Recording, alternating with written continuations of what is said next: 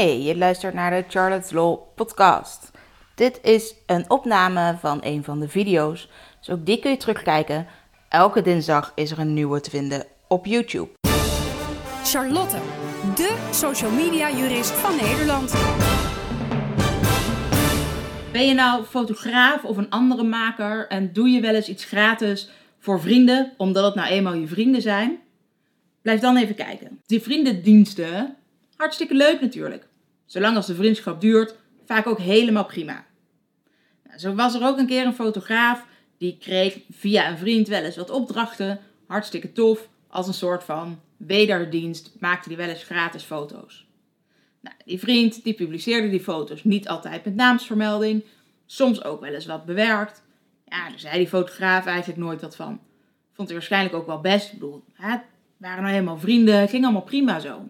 Maar op een gegeven moment ging die vriendschap stuk. Ah, niks aan de hand, leef je gewoon geen vriendendiensten meer, toch? Klaar.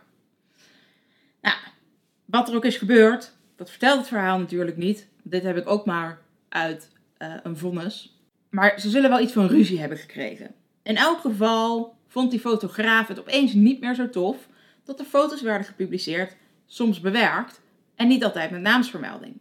Daar sprak hij die, ja, oud vriend op aan. Nou, die gaf daarover niet thuis. Die dacht, ja hallo, mocht altijd zo. We hebben het hier nooit over gehad. Je hebt nooit gezegd dat er een naam bij moest. Je hebt nooit tegen me gezegd dat ik het niet mocht bewerken. Uh, die foto's staan al veel langer online. Ook daar heb je nooit bezwaar gemaakt. Nooit iets over tegen me gezegd. Weet je, wat is dit nou? Hoezo moet ik hier nu opeens voor betalen? Waarom zou dit nu een inbreuk zijn? Terwijl toen we vrienden waren, dit helemaal geen inbreuk was. Nou ja, um, dat werd dus uitgevochten bij de rechter uiteindelijk. En die zei: Ja, kijk, um, eigenlijk zijn die foto's altijd een soort van onvoorwaardelijk geleverd. Niet per se omdat er dus nooit gezegd is, hè, er nooit iets over gezegd is, maar vooral omdat het gebruikt werd. Die fotograaf wist hoe het gebruikt werd en daar ook toen nooit wat over gezegd heeft. En wat leer je hier nou van? Dus ook als je vrijwilligerswerk doet of een vriendendienst levert, zeg er nou altijd gewoon even bij hoe het gebruikt mag worden. Geef ze een duidelijke licentie.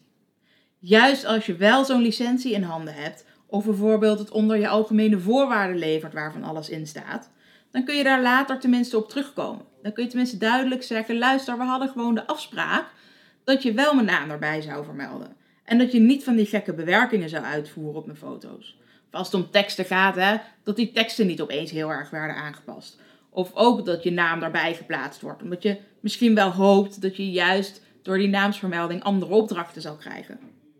Dit soort dingen moet je echt, echt van tevoren afspreken. Of in elk geval daar mensen meteen op aanspreken. En dus niet denken, ach, ik heb het vrijwillig gedaan. Ach, we zijn vrienden, het zal allemaal wel. Want op die beslissing kun je later gewoon niet meer terugkomen. Dus wees nou verstandig.